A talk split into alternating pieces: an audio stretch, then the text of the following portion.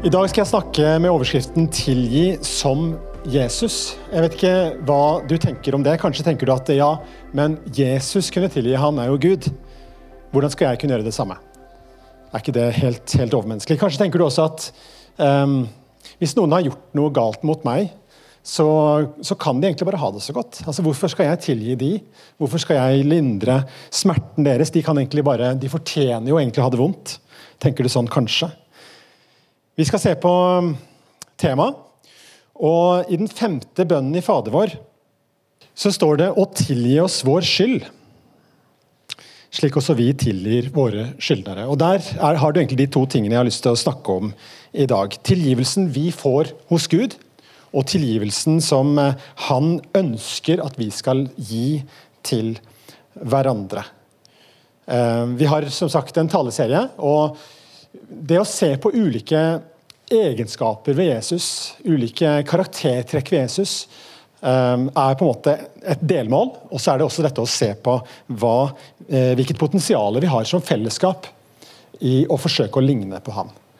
Eh, det er flere ressurser i korset, det er flere ressurser i den kristne tro enn det jeg tror vi har tatt ut som fellesskap. Så det er spennende å begynne å gå inn i det. Jesus sier Ehm, når han henger på korset. og Dette er altså eh, kort tid før han er i ferd med å dø. Så, så, sier han 'Far, tilgi dem, for de vet ikke hva de gjør'. Og Dette er en av eh, de syv tingene Jesus sier på korset. Syv ord eller syv setninger, og dette er det aller første han sier. Så I en sånn situasjon som, eh, der han er hengt opp på et torturinstrument, så er hans første tanke det er på de bødlene hans. Ikke hevntanker, men, men de har et problem. For etter skylden som de har pådratt seg, den hoper seg på en måte opp hos de. Han, de har ikke sjans til å ane rekkevidden av hva det er de gjør. Han som de korsfester, er himlenes herre, kongenes konge, Guds sønn fra evighet av. De, de, de, kan ikke forstå rekkevidden av det de holder på med. Men, men Jesus han er full av medlidenhet med dem. Han sier, 'Far, tilgi dem, for de vet ikke hva de gjør'.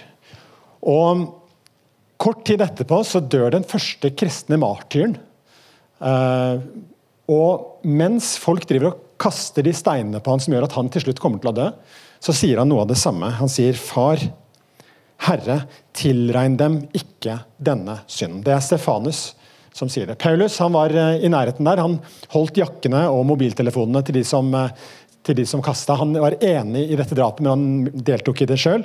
deltok ikke i det sjøl. Litt feig sånn. Men Stefanus, som da er i ferd med å gå inn i evigheten, han tenker mer på de andre enn på seg sjøl. Um, ehm, mange andre ledere har sagt 'sørg for at jeg blir hevna skikkelig' idet de er i ferd med å dø. Ikke sånn med Stefanus. Med Jesusbevegelsen er det annerledes. Radikalt annerledes. Under andre verdenskrig så satt to nederlandske søstre i konsentrasjonsleir i Ravensbrück utenfor, utenfor Berlin. Den ene av de døde. Hun het Betzy. Og den andre overlevde. Hun heter Corrie ten Boom. Og Hun ble en kjent kristen forkynner og foredragsholder. Ganske kort tid etter krigen så ville hun reise til Tyskland for å gi evangeliet til det tyske folk. Hun sa det er ingenting de trenger mer nå i dette nedbomba og bitre landet enn evangeliet om Jesus Kristus. Så hun reiste dit, og Det budskapet som hun hadde fått for München i 1947, det var alle dine synder er senka i havets dyp. Connie Corrie ten Boom kommer fra Nederland og hun sier at for oss nederlendere så er havet det er noe vi forholder oss til hele tiden. Hun er spesielt glad i dette, denne metaforen, dette bildet fra Bibelen om at de syndene som du har bekjent for Jesus, de kastes på havets bunn. og Han ser dem aldri mer. Dette budskapet forkynte hun. Og Hun følte at det ble ikke sånn veldig godt tatt imot. Hun syntes at folk var litt sånn uresponsive. Kanskje klarte de ikke helt å tro det. De tok imot det i stillhet og gikk sakte ut av lokalet. Bortsett fra én fyr. Han reiste seg opp langt der bakfra, så kommer han imot henne idet hun er ferdig å tale. Og, og, Kvelden er over, budskapet er forkynt, men det kommer en mann imot henne, og hun gjenkjenner han. Det er en av vaktene fra Ravensbrück. Han kommer opp, helt opp til henne, og så strekker han hånda ut. Og så sier han, 'Du nevnte Ravensbrück. Jeg var der, som vakt. Men etter det så har jeg blitt en kristen, og jeg vet at det er sant, det du sa. Det er et fantastisk budskap du hadde for oss i dag. At alle våre synder, alle mine synder, de er kasta på havets dyp. Og jeg vet at det er sant. Men jeg har så lyst til at du skal, å høre det fra deg også, at du har tilgitt meg. Freulein, sa han, kan du tilgi meg?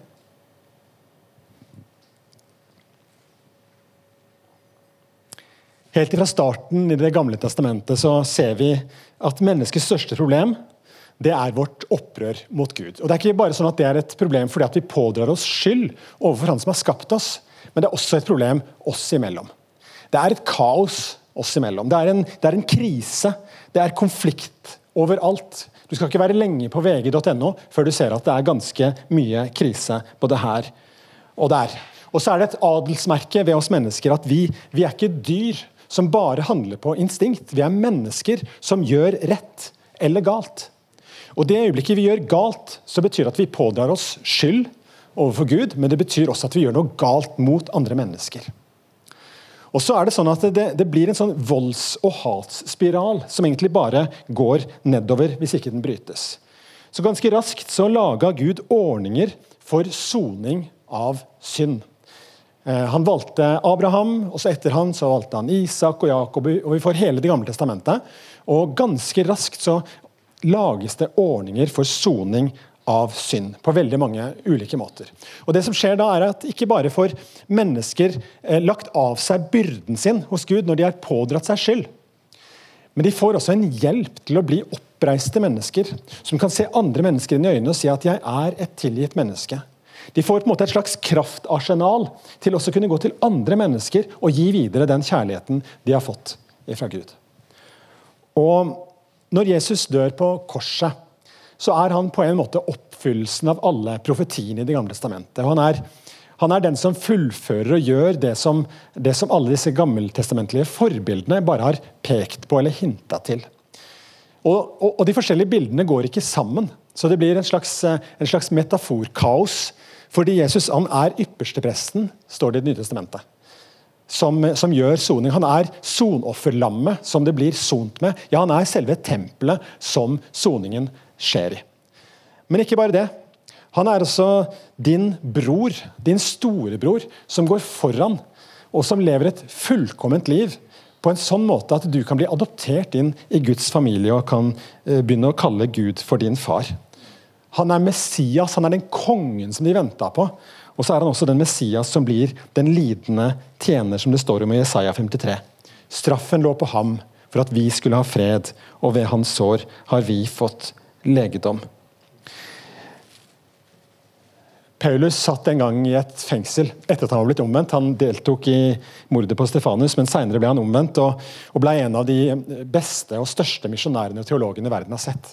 Han satt i, som fange, eh, ble sjøl forfulgt for sin tro, og satt som fange på et tidspunkt og skrev dette brevet til efeserne. Og da, eh, I kapittel 1 der så, så er det akkurat som Paulus bare øser av et overflodshorn, der han sier alt det vi har, vi som har Jesus. Og Blant de setningene som, som kommer opp da, er denne. I ham har vi friheten, kjøpt med hans blod, tilgivelse for syndene. Og Det er eh, det første jeg hadde lyst til å snakke med dere om nå, og som jeg snart er ferdig med. Denne tilgivelsen for syndene, som du ikke har fortjent, men som du får som en gave fra Gud. Når du tar imot frelsen i Jesus. I ham har vi frihet. Kjøpt med hans blod, tilgivelse for syndene.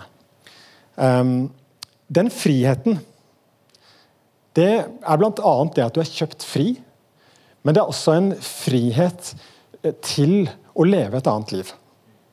Så Det er ikke bare det at du er blitt skyldfri overfor Gud, og at du, at du ikke blir dømt av Gud fordi at Jesus har tatt straffen i ditt sted, men det er også et arsenal her. Det er også et potensial her for at du kan gi videre noe til andre som du ikke hadde fra før. Et tilgivende sinnelag. Litt seinere i Efeserbrevet sier Paulus vær gode mot hverandre og tilgi hverandre slik Gud har tilgitt dere i Kristus. Så Det starter med at Gud har tilgitt dere i Kristus. Og så kommer det som en oppfordring mot det, en generell oppfordring til å være gode mot hverandre, men også til dette å tilgi hverandre. Og vi skal se på noen eksempler nå på hvor eh, fantastisk den kraften egentlig er. Det var en eh, rettssak i USA for et år siden, der en hvit politikvinne var eh, for retten fordi hun hadde drept en svart mann, en mørkhuda mann. Og Det var broren til han som sitter her, på det bildet, som som var i denne, var i denne ulykken hvor, hvor, han ble drept. Politikvinnen var ikke på jobb, men hun hadde vært på jobb hele dagen og kom sliten hjem til leiligheten sin. Eh, åpner døra, og der sitter broren til, eh, til eh, han karen her, eh, som heter Brant Jean. Broren hans satt i sin egen stue. Politikvinnen kom inn i feil stue. Hun gikk rett og slett feil. Hun tok feil etasje. Og så tror hun at det sitter en mørkhuda mann i sin stue. Han var helt uskyldig, hadde ikke gjort noe galt. Han satt i sin egen stue. Hun trodde det var sin stue og ble overrumpla, overraska, og skjøt han ned og drepte han. Tragisk at man har så lett tilgjengelige våpen, eh, og tragisk at man bruker de så lett.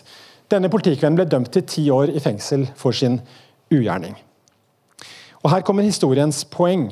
Brant Jean han sitter da i rettssaken mot henne og får ordet. Og så har han lang, et ganske langt vitnesbyrd der han sier til denne kvinnen som har drept broren hans, at jeg ønsker ikke at du skal råtne i fengsel. Jeg kan ikke snakke for noen andre enn meg sjøl, men det jeg ønsker for deg, er at du skal få et godt liv. Jeg har ikke snakka med familien min og sjekka dette, her, men jeg for min del vil faktisk ikke at du skal i fengsel engang. Alt det jeg vil si til deg, er at eh, jeg har tilgitt deg. Jeg er glad i deg. Jeg, eh, ingenting jeg sier eller gjør nå, kan bringe broren min tilbake. Men eh, jeg vil så gjerne at du skal få oppleve å få bli tilgitt av Gud. Gud kan tilgi deg. Um, hvis du kommer til han og sier det du har gjort galt, og tenker jeg ikke bare på drapet av broren min, men alle andre ting du har gjort galt i livet. Hvis du kommer til Gud, så vil han tilgi deg. Det, det har han gjort med meg. Og Så blir det liksom stille, dørgende stille i rettssalen, og så sier han til dommeren Jeg vet ikke om dette går, men kan jeg få gi henne en klem? Og Dommeren tenker seg om tre ganger og tenker at dette kan gå veldig galt. Hvis jeg lar han få gi henne en klem, så kan det være at han har lurt oss med hele vitnesbyrdet sitt, at han har en kniv i innerlomma eller noe sånt, men hun sier OK, du skal få lov. Og så stormer de fram begge to. Kvinnen som er dømt til ti år i fengsel, løper fram foran der og Brent gir henne en kjempeklem. De står sånn lenge. Og så hører du en hulking gjennom salen. Og Da er det denne kvinnen som gråter. Og Jeg tror ikke hun gråter fordi hun har ti år foran seg i fengsel. Jeg tror heller ikke hun gråter over syndene sine. Men jeg tror ganske bestemt at hun gråter fordi hun er helt overvelda av denne overraskende kjærligheten fra broren til han som hun har drept. Det er en umulig ting å gjøre i egen kraft. Det er en umulig ting, det er en uhørt ting. Det som, det som Brent gjør her, det er at han bryter volds- og hatspiralen.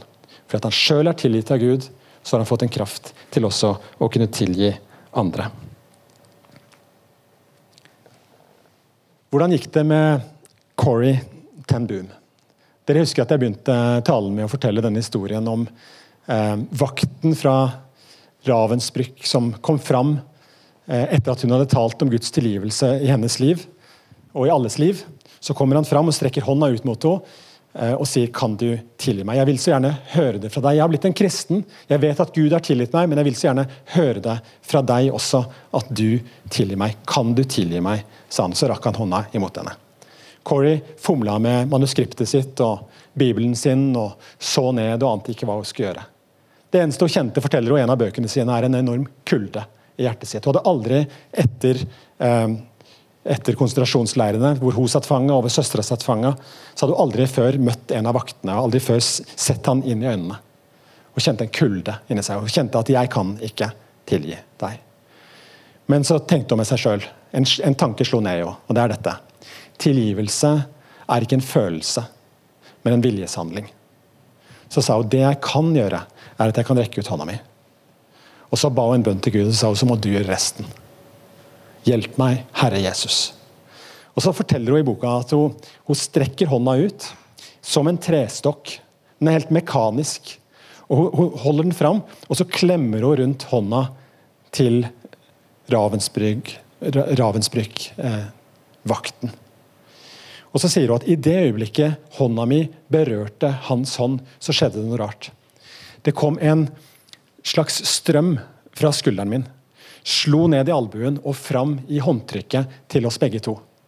Og så bølga det tilbake derfra og traff hele kroppen min. Jeg har aldri, verken før eller siden, kjent Guds kjærlighet så sterk. Og så sa hun, 'Jeg tilgir deg av hele mitt hjerte', mens tårene hennes strømma ned. Det er en overnaturlig kjærlighet. Det er en sånn kjærlighet som kan forandre denne verden. Det er denne kjærligheten som denne verden trenger. Jeg starta med å si fra Fader vår å tilgi oss vår skyld, slik også vi tilgir våre skyldnere. Det er en kolossal ubalanse i den setningen der. Den første delen, tilgi oss vår skyld, den forutsetter et perfekt liv levd sånn som Jesus gjorde det. Og et perfekt sonoffer, slik som Jesus ga det. Så når vi sier og nesten ramser opp Fader vår uten å tenke så mye over det, tilgi oss vår skyld, så forutsetter det en, en nesten umulig ting, men som er skjedd i historien når Jesus døde på korset. Den andre delen av denne bønnen, som er et slags haleheng, slik også vi tilgir våre syndere, det handler ikke om at vi skal forsøke å gjøre livet vårt lettere for de som har forbrutt seg mot oss. Men det handler om et potensial og en mulighet til at vi sjøl kan bli helbreda. Dette her handler om ditt hjerte. For du er skyldfri når du har tatt imot Jesus. Men det er ikke sikkert du er fri.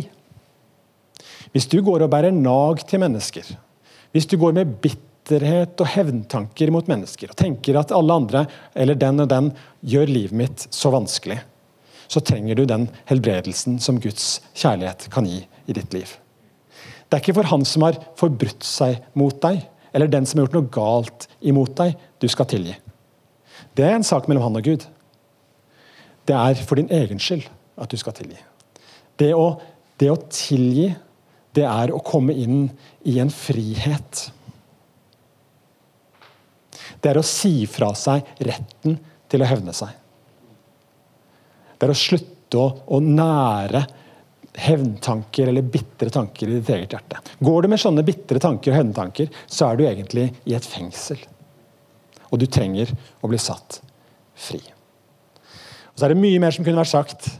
Og det er klart at Når vi tenker på konsentrasjonsleirene, vi kan tenke på overgrep av forskjellig art, så er det ingen som kan forlange at eh, hvis jeg var en overgriper, så kan ikke jeg raskt liksom si ja, Odd, nå må du tilgi meg, og så forvente det uten å vise noen slags form for anger. Øystein Elgen sa veldig bra eh, i en tale jeg hørte, at det er forskjell på forsoning og tilgivelse.